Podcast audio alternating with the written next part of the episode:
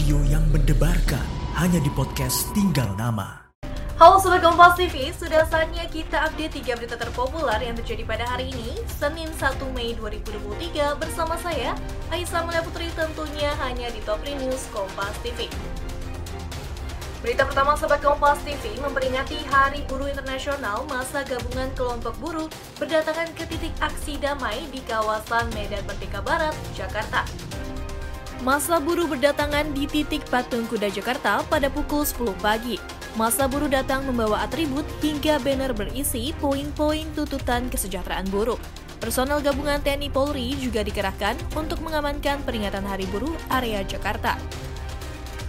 Partai Keadilan Sejahtera pertanyakan aktivis buruh yang mendukung bakal calon Presiden Ganjar Pranowo dalam pemilu 2024 nanti.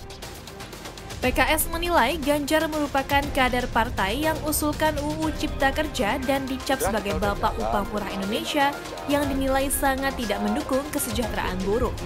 Berita terakhir Sobat Kompas TV, seorang bapak satu anak di Gresik tega membunuh anaknya yang masih berusia 9 tahun.